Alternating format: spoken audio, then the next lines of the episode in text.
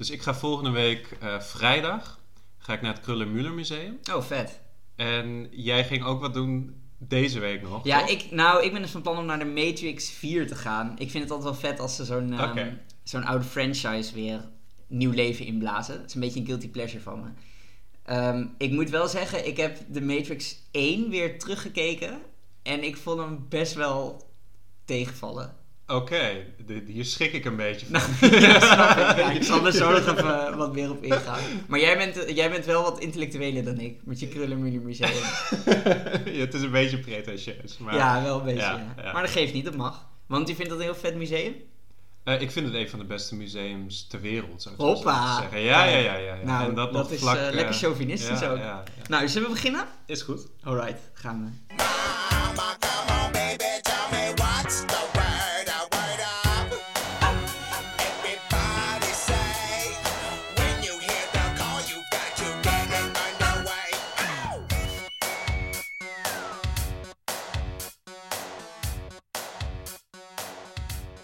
Welkom bij de Voor de Onschuld. Eh, Jamie, leuk dat je er weer bent. JW, leuk dat jij er bent. Dank je. Eh, nou, we hebben weer een woord van de week. Het Instituut voor de Nederlandse Taal heeft eh, als woord gekozen kunstbooster. Jamie, vertel. Een kunstbooster is een culturele oppepper. Mhm. Beetje net als dat je een boostervaccin hebt, dat je dan nee, het eventjes oppept tegen het, tegen het het virus. virus.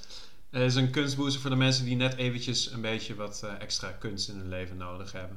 Oké, dus het is niet een, een vaccin in letterlijke zin, maar het is wel, hè, je zit er even doorheen. Ja. Dan ga je even naar het museum, kan je er weer even tegenaan. Het heeft niks verder met het eh, vaccin te Nee, maken. nee, behalve natuurlijk de timing dat het nu eh, ja, wel zo gekozen is, maar niet in directe zin. Precies. En Oké. heb jij wel eens een nodig, heb jij wel eens een kunstbooster nodig? Nou, ik, ik ga wel eens naar het theater. Ik vind bijvoorbeeld cabaret wel leuk. Oh. Eh, af en toe naar de bioscoop. Maar ik ben niet een enorme cultuurfan. Of ja, wat is Ja. cultuur? Maar eh, ja, niet, niet dat ik super vaak dat doe of zo. En jij? Ja, ik ga wel graag naar musea's toe, maar ik ben niet... eh, naar, sorry, naar musea. Of, of museums. Dit is een taalpodcast. we proberen een gaat- taalpodcast te ja. maken. Sorry luisteraars dat jullie dit... eh, excuses. De rillingen lopen iedereen waarschijnlijk over de rug. nou goed, maar je gaat, sorry, je gaat vaak naar musea toe. Maar ik ben, nee, ik ben zeker geen eh cultuursnop. Misschien wel qua films en, en muziek wat meer, maar Ja. niet, niet qua kleinkunst. Ja, muziek hou ik ook wel heel erg van. Ja. Concerten vallen natuurlijk ook onder, eh, onder cultuur. En dat, eh, Ja, we zijn allebei ook wel een beetje van, misschien een tikkeltje hipster-achtige muziek. Eh, ja, ja, ja, inderdaad. Nou, ik luister ook gewoon Taylor Swift hoor. Dat, eh, Oeh. en dan schaam ik me niet eens voor. Dat is misschien nog wel het ergste. en nog eh, favoriete musea? Of favoriete voorstellingen? Nou, ja, qua musea... Aanraders voor de luisteraars misschien. voor musea, ja, ja, je- ik had het net genoemd, Krullenmuller vind ik wel voor... Ja, Ja, ik denk voor- dat de meeste mensen dat wel kennen. Ja, ja, ook omdat het zo dichtbij is, is dat wel echt een, eh, Ja, is ja. dat wel echt een pre. Ik denk dat we in Nederland ook wel relatief goede museums hebben. Oké. Dat durf ik wel te stellen. Ja, ja. Ehm, maar eh, ja, we hadden het er net in ons voorgesprekje al even over. Ja. Kijk, kunstbooster gaat het natuurlijk... eh, je kunt het ook opvatten als... De kunst kan wel een booster gebruiken. Vanuit de overheid bijvoorbeeld een financiële booster. Of in, in dit geval misschien een regelwijziging, want het gaat sowieso niet zo lekker. Ehm, maar hoe kijk je daar tegenaan? Ja, daar ben ik eigenlijk falikant op tegen. Oké, En ik weet dat jij daar eh, anders in staat. ja. Maar ik vind wel dat de kunst ja, eigenlijk zichzelf zoveel mogelijk moet bedruipen. Dit zijn natuurlijk hele unieke omstandigheden. Ja, Want ja, in feite ehm, is de culturele sector ook extra hard aangepakt. Ook omdat eh, andere dingen wel open mochten, maar eh kunstsector niet. Ja. Dat is ook de reden dat je natuurlijk die, die kappersvoorstellingen hebt gehad. ja, ja precies. Wat natuurlijk heel krom is, dat je Ja. wel een contact ehm, beroep als een kapper mag dan weer wel. Hoewel, in Ja, in hoeverre het theater dat... heb je wel meer mensen natuurlijk bij elkaar. Dat is waar. Dat Kapper is ga waar. je eentje naartoe. Ja, dat Ja. is waar. Maar goed, ja, er valt allemaal wat voor te zeggen. Maar de kunst heeft wel harde klappen gehad in ieder geval. De kunst heeft hele is, harde klappen gehad. En het is natuurlijk ook zo van ja, de afgelopen, nou, laten we zeggen 30 jaar, Mhm, zijn de subsidies in de kunst ook wel echt eh, teruggedraaid. Je had vroeger natuurlijk die mhm. kunstenaarsuitkering, waarbij je eigenlijk ja, direct na, de, na de, de kunstacademie werd gewoon tegen je gezegd van... Zo en zo en zo vraag je die eh, subsidie aan. Ja, ja. En je kon eigenlijk als kunstenaar kon je je daarmee best wel bedruipen. In ieder geval de eerste paar Mm. jaren. Puur door overheidssteun. Ja, precies. En dat, dat is er nu niet meer bij. Nee, dat is nu al een beetje weggevallen. Ja, en sowieso ook musea en zo hebben het wel echt moeilijker als je naar subsidiestromen kijkt. Ja. En we hebben natuurlijk als, eh, als dieptepunt Halbe Zijlstra gehad, die, eh, ja, die, die op cultuur zat, maar zelf niet eens van cultuur hield. Zei Ja. hij zelf ook. Eh, ja, nou ja, goed. Dat is één van de problemen van Halbe zelf. Ja, dus, nou ja, goed. Laten we dat... Laten we hopen dat hij de podcast luistert. Nou, Halbe, als je luistert, eh, mail eventjes. Vinden we hartstikke leuk. Ja, als Halbe een limerick wil insturen, dan eh ja, hartstikke open. leuk. Ja. Maar goed. Ehm, Oké, maar de kunst moet zichzelf bedruipen. Dat hoor ik je zeggen. Dat geloof ik wel. Ik ben zelf wel Dus je vindt het wel, wel een goede ontwikkeling eigenlijk die we de laatste 30 jaar hebben, hebben doorgemaakt. Ja, ja, ik ben zelf niet, niet heel snobistisch daarin. Mhm. Ehm, ik geloof ook wel dat een hele goede blockbuster ehm, eigenlijk evenveel toe kan voegen als een, als een echte eh, independent film. Oké. En ik ben wel een beetje van het principe van, van Jeremy Bentham: Pushpin is better than poetry. Dat, dat, moet je even uitleggen. Wat, dat ken je niet. Ja, Pushpin was een soort van darts dat men vroeger speelde. Ja? En eigenlijk zijn bedoeling is van ja, weet je, darts is beter dan, dan poëzie. Het idee van eh, dat, dat vermaak voor eh, de meute, dat het eigenlijk meer kan opleveren dan. Ah, dan op die iets manier. Dat, ja, Ja, dus dat je niet, ja. niet, zeker vanuit de overheid, maar misschien in het algemeen niet moet gaan zeggen van ja, dit is hogere kunst of zo. Ook al wordt het misschien, eh, dat, je, dat je gewoon puur moet kijken hoeveel mensen hebben hier plezier aan. En, en dat, dan zou je kunnen zeggen dat de grootste cultuursector die we in Nederland hebben is de profvoetballerij bijvoorbeeld. Precies. Want daar, precies. daar, dat is ook cultuur in zekere zin en daar kijken heel veel mensen naar. Eh, in tegenstelling tot bijvoorbeeld eh, een uitvoering van een, een klassieke symfonie of zo. Wat dan vaak als hoger wordt gezien, maar ja, wel minder kijkers trekt. Terwijl ik zelf gewoon vind van dat Hank Williams die zingt There's a tear in my beer. Dat vind ik eigenlijk... Ja, of ik wil zwemmen in Bacardi Lemon. Dat, dat Nou, dan de hoogste, Hey, dat- hoogste cultuur die we Ja, hebben. waarom, zou dat, waarom zou dat minder goed zijn dan, eh dan eh Philharmonisch Orkest? Ja, nou ja, en vooral waarom zou je als overheid het, daar een uitspraak over moeten doen? En moeten Ja. zeggen dat vinden we wel goed en dat, dat, Dat subsidiëren niet. niet. ja. Ja, ja. Overigens is het ook wel zo dat die, die overheidssubsidies die gaan ook niet alleen maar naar hoge kunst. Hè? Ik, de- de- een tijdje geleden had bijvoorbeeld de staat, die, die band uit Nijmegen geloof ik, die had ook zo'n subsidie aangevraagd. En daar waren mensen een beetje verbolgen over, want die vonden dan dat het naar klassieke muziek moest gaan. Ja. Maar ja, zij voldeden gewoon aan de eisen. Dus dan, dan is dat natuurlijk ook Dan gewoon prima. Ja, dan Ja, krijg je hem ook. Ja. Dus, dus het is niet dat de overheid per se zegt van Dus er niet een pure discriminatie in van, van oh, tegen is... popcultuur of zo. Nee, dat denk ik Ja, niet inderdaad. Ja, dus die, die subsidies zijn wel, wel enigszins egalitair. Maar goed, als je het helemaal eh, ja, door de markt en door de consument wilt laten bepalen, dan eh, ja, dat zou je ook kunnen doen natuurlijk. Nadeel is dan natuurlijk wel van dat je bepaalde dingen misloopt. Mhm. En ik kan op cultureel vlak... ja, want ik weet niet of jij dan nog naar het. Krullenmuller Museum zou kunnen hoor. Ja, dat is een tweede. Ja. Nou, ik denk dat... dat In ieder geval, of het wordt veel duurder misschien. Ja, of je hebt juist dat, dat je meer vanuit de, de ja, particulieren die dan de museums eh, subsidiëren. Oh, dat kan ja. natuurlijk ook. Ja, heb je in. Amerika heel erg veel dat je dan zeg maar de Friends of de Krullenmuller Museum hebt. Ja, ik ben daar zelf niet zo'n heel groot fan van. Want ik denk eigenlijk dat als je iets... eh, als je zeg maar liefdadigheid wil doen met je geld... Dan, dan zijn er echt wel effectievere dingen dan een lokaal museum steunen, eerlijk gezegd. Ja. Ik heb niks tegen musea hoor. Maar als je dan toch denkt van... Ik heb een paar euro over en ik wil, het, eh, ik wil er iets goeds mee doen... Dan zijn er wel betere dingen, denk ik. Ja, het alternatief is Zoals natuurlijk... malaria net en zo. Hè, dat dit, eh, iedereen die me een beetje kent, die, die heb ik hier wel... Die over, weet eh, hoe ja. wild jij bent van malaria Ja, netten. zeker, ja, zeker, ja. Huis hangt er helemaal vol mee. Ja, ja. Ja, ja. oké, maar eh, gewoon failliet laten gaan. Dus geldt het ook voor in corona dan? Want daar hebben we natuurlijk, dit is wel een specifieke situatie. Ja. Eh, moeten we dan ook andere bedrijven gewoon lekker failliet laten gaan als overheid? Nou, weet je, het eerste bedrijf waar ik dan aan denk, dat is, dat is bijvoorbeeld een KLM. Dat is natuurlijk ook wel een geval geweest waar Ja. de- ik denk zoals jij ehm Nou ja, zeker. over heeft. Want ik ben natuurlijk niet zo libertarisch als jij. Maar ik Ja. heb vanuit mijn eh, liefde voor onze planeet... heb ik natuurlijk wel een grondige hekel aan de KLM. Omdat ze mijn geliefde planeet tijd kapot aan het, eh, aan het vliegen zijn en zo. Maar het is natuurlijk wel gek van, ja, het- ik denk dat het beste baantje dat je kunt hebben in Nederland. Dat is CEO van KLM. Je kunt er een ontzettend zooitje van maken. En Ja. uiteindelijk is, is- wordt het als zo belangrijk geacht door de overheid.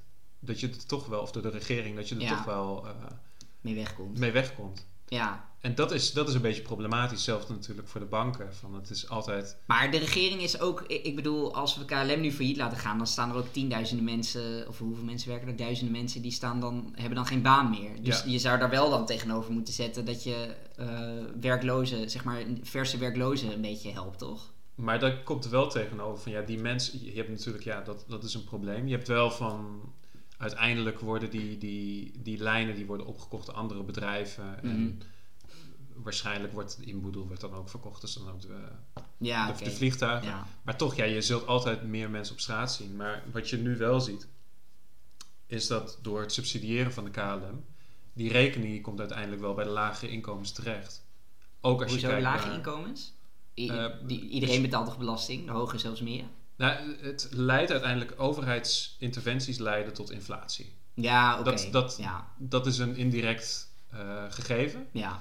Zeker trouwens nutteloze overheidsinterventies, zoals de KLM-steun. Dat leidt volgens mij nog meer tot inflatie dan, eh, dan zinvolle investeringen. Maar die- komen over het algemeen van, ja, meer terecht bij inkomens die minder kunnen, Ja, klopt, ja. Ja, door die inflatie. ja, dat is die minder waar. kunnen wegzetten en die eigenlijk meer consumeren. Ja, en dat zijn vaak lage inkomens. Ja. Maar goed, ehm, zullen we het even over de Matrix hebben? Ja, Want dat ja, was eigenlijk ook mijn eh, culturele plan de komende tijd. De- de- inmiddels gaan de bioscopen weer open, Mhm. wat ik wel, eh, wel leuk vind. Eh, en de Matrix 4 komt eraan, ik vind dat wel vet. Ja, Ehm, maar ik dacht, ik kijk nog even de Matrix 1 dan terug. Maar ja, leuk ik, film. nou ja, ik, dat dacht ik dus ook. Maar ik, sowieso, hij staat. in, ik had even gekeken, hij staat op plaats 16 in de IMDb top 250. Dat Dus- is veel te hoog. Nou ja, dat, dat, Dat is- dus ik dacht, ja, ik, ja. ik mag hier wel wat van verwachten. Niet alleen daarom, maar ook iedereen vindt hem vet en zo. Dus ik, Ja. ik ging er met hoge verwachtingen in. Ehm, ja, ik vond hem eigenlijk gewoon heel erg tegenvallen. En ik, ik moet er wel bij zeggen, trouwens, een, een deel daarvan is ook wel dat ik... Ik keek hem met, met Esmee, met mijn vriendin. En Esmee die, die neemt films zeer serieus. het, is, het is niet de bedoeling bijvoorbeeld... Dat is niet goed voor de Nee, nee, zeker Nee, niet. En je zeker mag er bijvoorbeeld niet doorheen praten en dat soort dingen. Dus als ik dan, en ik vind het op zich altijd wel grappig om, om met iemand een film te kijken. En als ik dan denk van ja, dit slaat gewoon nergens op even. Om dat dan te zeggen en dan lach je er even samen. Ja, maar precies, Esmee die kijkt me dan een beetje zo semi-verontwaardigd aan. En dan, dan- weet je, na een tijdje blijf ik dan ook met al die momentjes zitten. Maar goed, ik ga, ik ga nu even de Matrix afzeiken. en dan moet jij wel zeggen als ik uit de bocht schiet. Ik, ik kan je zeggen, ik heb hem een, iets minder dan een jaar geleden heb ik de Matrix gezien. Voor het eerst sinds een hele lange tijd. Oh, nog wel redelijk recent. En ja. ik, ik moet zeggen, ik had, mijn verwachtingen waren relatief laag. ja. Eh, want hij zat niet zo goed in mijn gedachten, zeg maar, Ja. qua, eh, qua film. En toen ik hem opnieuw zag, dacht ik eigenlijk van... Dit is best een prima film. Geen meesterwerk, maar Ja. het is wel een... Ja, nee, dat, wel- dat vind ik al veel te positief. Een erg goede voor deze film, voor de, twee uur van Ja. mijn leven die ik niet meer. Nee, want ik zal, ik zal trouwens beginnen met wat ik goed vind. Ja. Want ik wil ook niet helemaal ongenuanceerd overkomen. Ja, Eh, er zijn eigenlijk twee dingen die ik heel cool vind. Ten eerste gewoon eh, core concept. De, zeg maar de filosofie van ehm, is het wel echt waar je, eh, waar je in zit? En, en is dit het echte leven of is het een simulatie? Dat vind ik heel vet. Ja. Ehm, en wat ik, wat ik ook vet vind is eh, de casting van Keanu Reeves. Ik vind hem eh, een goede acteur. Niet de beste acteur ooit, maar wel heel geschikt voor deze rol. Ehm, omdat hij een soort van... ehm, ja, ik weet niet eens goed. Hij heeft een soort van heel neutraal gezicht of zo. En, en je kunt daar heel erg je eigen gezicht op plakken. Dus je, je vereenzelvigt jezelf heel erg met hem. En dat werkt denk ik heel goed in deze film, omdat hij... Hij is natuurlijk iemand die... die kijk, hij denkt eerst dat de wereld helemaal normaal is. En dan, dan gaat hij echt de meest Ja, bizarre ja. dingen meemaken. En je wil je daar als kijker mee vereenzelvigen. Van wow, ik, ik zie ook al deze bizarre dingen. Ik word ook wakker in dit bad met vloeistof. En wat, wat de fuck gebeurt er? ik, ik, ik en dat werkt denk ik heel goed met Keanu Voor Reeves. Keanu Reeves moet ik er wel bij zeggen, ik vind Keanu Reeves een fantastische fysieke acteur. Mhm. En dat zie je ook terug in de Matrix. Ik denk dat, ik ben het met je eens dat hij, Ja, dat, dat ook inderdaad. geworden, ook hij- fysiek, ja, inderdaad. ook als je kijkt van qua bewegingen, eh, met name de vechtscènes, Ja, hij is heel erg, hij heeft hele goede body control. ja. Alleen als dramatisch acteur is hij dramatisch. hij heeft, hij, ja, maar ik vind dat als je, wel... Als je Bill en Ted's Bill en Ted, ehm, eh, Bill en Ted's Excellent Adventure kijkt... en je kijkt hoe hij daar zeg maar als stoner een beetje aan het acteren is... Ja. Hij klinkt in iedere film klinkt hij als een stoner. Ja, ja, Hij kan geen accenten doen. Hij nee, kan maar niet, ik denk dat dat dus niet- hier wel goed is. Een soort van neutraal, Ja. niet al te hoog in zijn energie personage. Waar je gewoon lekker je eigen persoonlijkheid op kan plakken. En dan met hem alle bizarre dingen mee. Nou ja, goed. Dus ik vind, dat, ik vind hem Alles goed gecast. wow, wow. Ja, ja, inderdaad. ja, ja. Maar goed, nu, nu wat ik dus eh, minder goed vind. Ja. Ehm, het allereerst, wat ik echt het allerirritantst vind aan die film, is dat alles ongelooflijk overgeacteerd is. En dan dus, behalve dus Keanu Reeves, die ik wel oké vind. ik vind maar, Keanu Reeves juist een beetje... ja, ook Oh, een beetje, oké, maar vooral ja. Morpheus, die echt, echt alles zegt op een toon van zo'n zo'n trage, statische toon, alsof hij echt het belangrijkste ooit zegt. We- Weet je, The Lord of the Rings doet dat ook een beetje, alleen The Matrix is echt nog veel erger. Ik vind het echt... Maar Oh. ik, ik, ik had juist het gevoel van, van ja, toen ik hem weer terugkeek, Ja. van bij met name Lawrence Fishburne dacht ik van, oh die begreep echt de materie gewoon goed. Ja, beetje nee, hetzelfde ik- als Alec Guinness in, in Star Wars. Ja. Van een Wie, beetje wie is dat in Star Wars? Wie speelt hij? Eh, Obi-Wan Kenobi. Ah, oké, ja, Ja, ja, ja, want hij is natuurlijk de Obi-Wan uit deze, deze film, ja. ja. Eh, Een beetje het idee van, van ehm, hij nam de rol niet te serieus, zeg maar. En ik denk dat dat voor, ehm, ik denk later is bij de Matrix, hebben ze er heel veel aan gaan hangen van, Ja. qua filosofie, qua, Ja. ehm, ehm, ja, bijna theologie zelfs. ja. En ik denk dat, dat The One. Ja, de one. ik denk dat Lawrence Fishburne juist wel goed begreep van... oké, het is een beetje campy. Het is, het is niet een, een, een serieus drama. Het is juist gewoon een leuke sci-fi film. En je moet er niet te veel over nadenken, want dan valt het uiteen. Nou, dat is denk ik wel een goed punt wat je, wat je maakt. Want dus eigenlijk zou ik het vanuit Lawrence Fishburne, dus vanuit Morpheus moeten bekijken. Ja. En het niet te serieus moeten nemen. En ik probeer het misschien te serieus te nemen en dan slaat het allemaal nergens op. Want daar, daar kom ik dus kom ik nu. Nou ja, dat, ja, ja, dat- ja. ja. Ik, ik blijf het wel irritant vinden. Gewoon dat overgeacteerde en dat, dat trage. eh, I know exactly what you mean. Terwijl je ook gewoon kan zeggen: Yeah, I know what you mean, dude. Eh, Dat ik vond het geweldig. Ja, nou geweldig. oké, Ja, oké. ja, ja. Ehm, en eh, dus overgeacteerd. Ik vond ook dat dat fragment heel... eh, wat echt het, het hoogtepunt van de film is natuurlijk dat hij ontdekt van ik leef in de Matrix en dat hij dan zo wakker wordt in zo'n Ja. bad vloeistof. Alleen hoe ze daar naartoe werken, hij- dan, dan zegt Morpheus dus tegen hem van no one can be told what the Matrix is. You have to see it for yourself. En dan denk ik, gast, je kunt echt prima uitleggen wat de Matrix is. dit is, dit is en, en dat is ook gewoon niet oké om dat niet te doen. Want ze hadden echt even tegen hem moeten zeggen van... Yo, eh, luister, het leven is een simulatie. Je gaat zo meteen wakker worden in een bad vloeistof. Maar eh, geen zorgen, wij, wij zijn in de buurt en we komen je direct oppikken. En als hij dat op een normaal tempo had gezegd, dan was er echt wel tijd voor geweest. Want hij zit nu de hele tijd van, ja, we don't have time to explain it. En dan denk ik, ja, als je gewoon normaal praat, dan heb je echt zat tijd om alles uit te leggen. En dan, dan gelooft hij misschien eerst niet. Maar als hij dan vervolgens wakker wordt in de bad vloeistof, dan weet hij in ieder geval wel wat er aan de hand is. En dat, dat vond ik een beetje... Dan denk ik van, ja, daar is gewoon niet over nagedacht. Want je had De- best de- wel... De reden daarvoor is gewoon van ja, als je, dan weet jij als kijker natuurlijk Precies. ook van. Dan weet je als kijker ook van oh, hij wordt straks wakker. Ja, en, en dan precies, ziet hij precies. dat alles. En, want je wil natuurlijk geweest. je wil een situatie creëren waarin je Ja. als kijker met hem meemaakt van wow, wat gebeurt hier, wat Ja. is dit? Maar en ik denk dat als ze daar goed over hadden nagedacht, dat ze best wel zo'n situatie hadden kunnen creëren. Dat ze bijvoorbeeld, ja weet je, ik ben geen scriptschrijver, maar dat ze iets met, met tijd hadden kunnen doen, dat er mensen binnenvallen en dat ze dan zeggen van oh shit, we moeten hier nu, we, moeten, we hadden het Oh, echt willen uitleggen, maar we moeten nu ja, dit doen of zo, weet ik veel. Maar in plaats daarvan komen ze met een, met, ja sorry, een, een belachelijk concept. No one can be told what the Matrix is. You have to see it for yourself. Dat slaat gewoon helemaal nergens op. Je kunt het echt prima uitleggen. Een heel klein probleem dat Nou- je maakt vanuit, vanuit één zinnetje. Nee, nee, nee, maar, dit is, nee maar dit is gewoon het aller, de allerbelangrijkste scène van de hele film. Dat hij, Dat hij wakker wordt, wordt en ontdekt van... En, en ik vind dat de opbouw daar is. naartoe... Nou ja, oké, maar ik zal nu wat, wat meer... Oké, dat, dat was gewoon het moment. Nu qua core concept. Ja. Ehm, waarom hebben de robots mensen in die bakken? Dat is omdat ze energie halen uit mensen. Ik, ik heb... Dat klopt niet. Mensen zijn geen ik. energiebronnen. Dat is gewoon. Dat is het allerbelangrijkste van de film, is de Ja. reden. En dit, dat, daar gaat het gewoon helemaal mis. meest Mensen- inefficiënte batterij ooit. ja, en, Ja. nou ja, we zijn geen. Ik bedoel, dat is de reden dat we moeten eten. Anders hadden we niet hoeven eten. Ik had voor... ehm, ehm, ik vind dat een heel moeilijk om uit te leggen. Want ik, ik had zelf, zeg maar, in mijn gedachten had ik ervan gemaakt dat de machines die, die zijn uiteindelijk zijn ze ontworpen om de mensheid te beschermen. Mhm. En dat dit een beetje hun manier is om de mensheid te beschermen. Dus ze blijven eigenlijk een beetje altijd in een soort van embryo-status Wow, ja, dat blijven zou ze echt- leven in die, in die pots. Dit zou Dat veel beetje- vetter zijn ook. Nee, als ze dit erin hadden gemaakt. Maar is- dit, dit zit er helemaal niet in. Oh, dat is nog steeds een beetje mijn interpretatie ervan. En dat ze zeggen van, ja, we zijn werken als een batterij. Misschien is dat meer, zeg maar, een... een gebruiken ze echt, zeg maar, hun energie als batterij? Nou ja, of, of is het meer oké, van dat ze hun gedachten Dit is in ieder geval wat Morpheus om- om- vertelt aan Neo. Dat, Ja. dat er op een gegeven moment oorlog uitbrak tussen de mensen en de machines. En Ja. dat de machines. En dat ze toen. ehm, toen hebben de mensen dus alle, eh, al het zonlicht geblokkeerd. Met het idee van die machines die werken op zonne-energie. Eh, Oh, en en, om toch energie te krijgen, hebben ze de mens als energiebron gebruikt. Wat dus nergens op slaat. Ja, maar wat jij waar, zegt ja. is veel beter. Dat hadden ze erin moeten doen.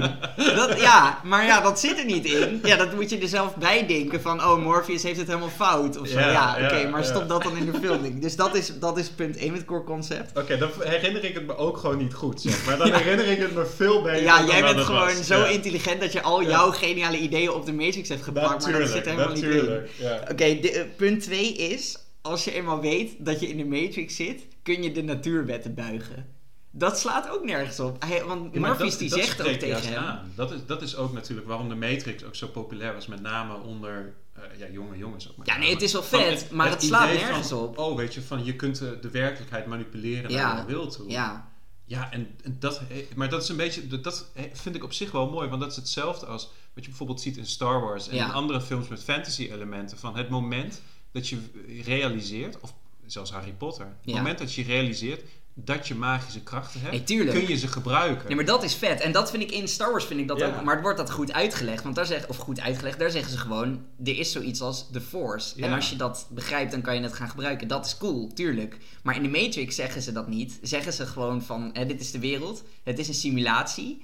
En als je dat eenmaal doorhebt, omdat het computerregels zijn, dat- hij zegt iets letterlijk van: eh, like many computer rules, these rules can be bent. And even broken. Dan denk ik van, nou dan heb je nog nooit een computer meegemaakt. Want, en dan heeft hij, ook niet de, heeft hij ook niet de toeslagenaffaire meegemaakt. Want volgens mij is juist het probleem van computer rules en algoritmes... dat die keihard en zwart-wit worden uitgevoerd. En niet gebo- gebogen of gebroken kunnen worden. Ja, ik, ik snap wat je zegt, maar ik, ik, vond, het, ik vond het zelf wel een, een... Ja, dat maakt het voor mij ook niet... Het geeft het voor mij een beetje fantasy elementen Ja, van... ja het is fantasy. Ja. En maar ze, je- maar ze, je moet ze, het niet, ze brengen het als science fiction. Je moet het niet als een strikte hard sci-fi moet je het zien, want Ja. dan werkt de film gewoon Want dan, dan is er gewoon te veel wat nergens op slaat. Precies, precies. En dat is ook een beetje het probleem van de, de Matrix sequels. Mhm. En met name de derde film. Dat, waarbij ze echt zo'n Ja, waanzinnig messias... Alles, alles in die hele film is het probleem met de, met de film. Die derde film is echt... Ja, er zijn te veel mensen geweest die tegen de Wachowski's hebben gezegd van... Dat de filosofie achter de Matrix Ja, geweldig is, dit en dat. En dat hebben ze te veel opgeklopt. Ja, En dus nu, als je terugkijkt zeg maar, naar de eerste Matrix, dan neem je die film te serieus, wat je eigenlijk niet moet doen. Het is gewoon een heel goede actiefilm met wat interessante dingen die ze hebben over ja, concepties als, als werkelijkheid. oké. Maar het moment dat je het zeg maar probeert te veel worldbuilding te doen, of je probeert, probeert het te veel uit te werken, Ja. dan, valt het, dan valt het helemaal uit de Ja, maar ik kom je vind erachter wel- dat het gewoon niet zo... zo ja, oké, ik, ik begrijp wat je bedoelt. is. En je moet gewoon Ja. deze film met vrienden op de bank kijken en lekker afzeiken. Maar ik vind wel... Nee, niet afzeiken. nou nee, ja, het is gewoon of, echt... of een- het gewoon is- over discussiëren Ja, zoals wij nu aan het doen zijn. En dat maakt het wel... Dat, dan, dan is het denk ik wel leuk. Maar ik vind wel in het algemeen een, een goede film. Daarvoor geldt hoe meer je erover nadenkt, hoe beter die wordt. En een slechte film geldt hoe, hoe meer erover nadenkt, hoe slechter die wordt. En dat tweede, dat Hmm. heb ik dus wel een beetje met deze film. En dat verwacht ik niet van een, een sci-fi die, die door iedereen fantastisch gevonden wordt. En die op plek 16 in IMDb staat. Hij- Zal ik mijn derde puntje ook nog noemen? En da- daarna hou ik op over de Matrix. Want we ik vond het eigenlijk heel, lang. leuk, maar Ja, ja, ja, ik snap het, ik snap het. Ehm, wat ik ook, eh, wat volgens mij ook niet klopt, is hoe ze getracked worden. En dat is een iets subtieler punt hoor. Hoe ze getracked worden door de computer. Zij zitten in de Matrix. Je hebt die agents, die zijn ze aan het volgen. En dan af en toe ziet zo'n agent ze. En dan, dan moeten ze vluchten natuurlijk.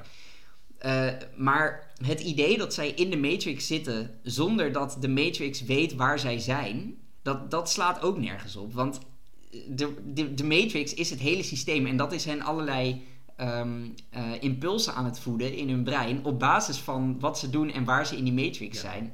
Dus je kunt dan niet zeggen van oké, er moet een tracker of, of de Agent Smith is naar jou op zoek of zo. Nee, Agent Smith is onderdeel van de Matrix. Als hij jou wil vinden, dan pat, staat hij gewoon direct voor je neus. Dat is hoe, hoe een computersimulatie werkt. Dus dat, dat slaat volgens mij ook nergens op. Dat is een, ook een beetje, zeg maar... Het is jaar is 1999. Ja, niemand snapt hoe computers werken. Het enige wat ik weet is van, ik heb hier een computer. Als ik hier een floppy disk in doe, dan kan ik Jazz Jackrabbit spelen. Ja, ja, en als ik iets zoek in een, eh, in een database of zo, dan doet een computer daar een kwartier over voordat hij het gevonden heeft. Precies, Dus precies. waarom niet een mens? Ja, niemand snapt het punt. internet, niemand snapt Ja. iets. En je kijkt naar andere films van die tijd als het gaat zeg maar, over, over technologie, met name over computertechnologie. Ja. Niemand snapt er iets van. Ja, en ik denk ja, de dat wel Wachowski's begrepen er ook helemaal niks van. En dat is ook een beetje het probleem. Het is niet geschreven. Het is een script die niet geschreven is door een, een programmeur of door iemand die waarschijnlijk iets meer dan een, een hobbyistische-achtige eh, kennis had over, over computers. Dus ja, dat, Oké, dat nergens ik- op slaat, dat, dat ben ik het met je eens. Ik maar- ben, ik ben blij met je, Ja. met je punten. Ik, ik zal nog even mijn punten nalopen. Oké. Ehm, en en jouw, eh, jouw visie daarop. En, Ja. want ik ben er wel iets genuanceerder over, over gaan kijken. Of naar Oké. gaan kijken. Ik vond het overgeacteerd. Nou, dat ben je deels met me eens, maar deels vind je dat ook wel vet. En dat, dat heeft ook ja, een bepaalde charme. wat. Eh, no one can be told what the Matrix is. Oké, dat ben je wel met me eens dat het nergens op slaat. Maar het is maar één moment, dus moet niet over Eh, de mens als energiebron slaat ook nergens op. Maar eh, jij hebt er wel een fantastisch alternatief voor. En dat moeten we gewoon zelf op de Matrix plakken. en dan is het ineens veel vetter. Eh natuurwetten buigen slaat ook nergens op, maar is gewoon fucking vet. Dus moet ik ook niet over zeuren. Nou, vind ik een goed punt. En Ja, tracking door waar, computers, ja, ik moet ze vergeven dat ze uit de jaren 90 kwamen. Ja. En, Oké, en- en we gaan gewoon, punt ja. van de Matrix is ook gewoon van de vechtscènes, schietscènes. Het blijft gewoon vet. Ja, die het zijn is cool. echt goed Ja, gedaan. dat is het is cool. echt vet gedaan. En als actiefilm, als je Een beetje verouderd, maar dat vergeef ik ze graag. Dat, Ja, ik bedoel, ja, dat, daar kan je niks aan doen als film. Op een gegeven moment ben je 20 jaar oud. Ja, dat overkomt dat- ons allemaal. Ja, dan, ja, Ja. ja. of 30. dit, steekt wel. Oké, eh, hey, zullen we doorgaan naar de limericks? Want we zijn Ja. echt al veel langer bezig dan, eh, dan normaal. Maakt niet uit. We hebben ook, ik heb ook van mensen gehoord dat we langer moeten opnemen. Oké, vanaf, Waarschijnlijk gaan we nu van mensen horen dat we weer korter moeten opnemen. Maar dan doen we dat de volgende keer gewoon weer. vanaf volgende week is dit gewoon een filmpodcast. ik ga nooit meer. Nee, ik ga niet elke week een film kijken. Zo, eh, zo cultureel ben ik niet. Nee, begin, begin jij maar met je limerick. Eh, voor, de, voor de duidelijkheid, we hadden het over kunstbooster. Kunstbooster. Ja. Musea, theaters, bioscopen. Ze kunnen geen kaartjes verkopen. Op dinsdagen thuis, nerveus voor de buis. Ah, toe Ernst, we willen weer open. Leuk. Nice. Nou, ik heb er ook nog één. Eh, na Delta bleek Omicron boosten. Dat ging niet lang goed, dus toen moesten. Een heleboel dicht, de kunst is ontwricht. Die zijn nu wel toe aan een booster. Netjes. Dank je. Ik dank zat je. met het idee van booster en ik dacht van... Ik wist, dacht wel mooster, maar Mhm. ik bedacht niet woester. Ik heb eh, mix rijmwoorden woordenboek gemaakt. Oh!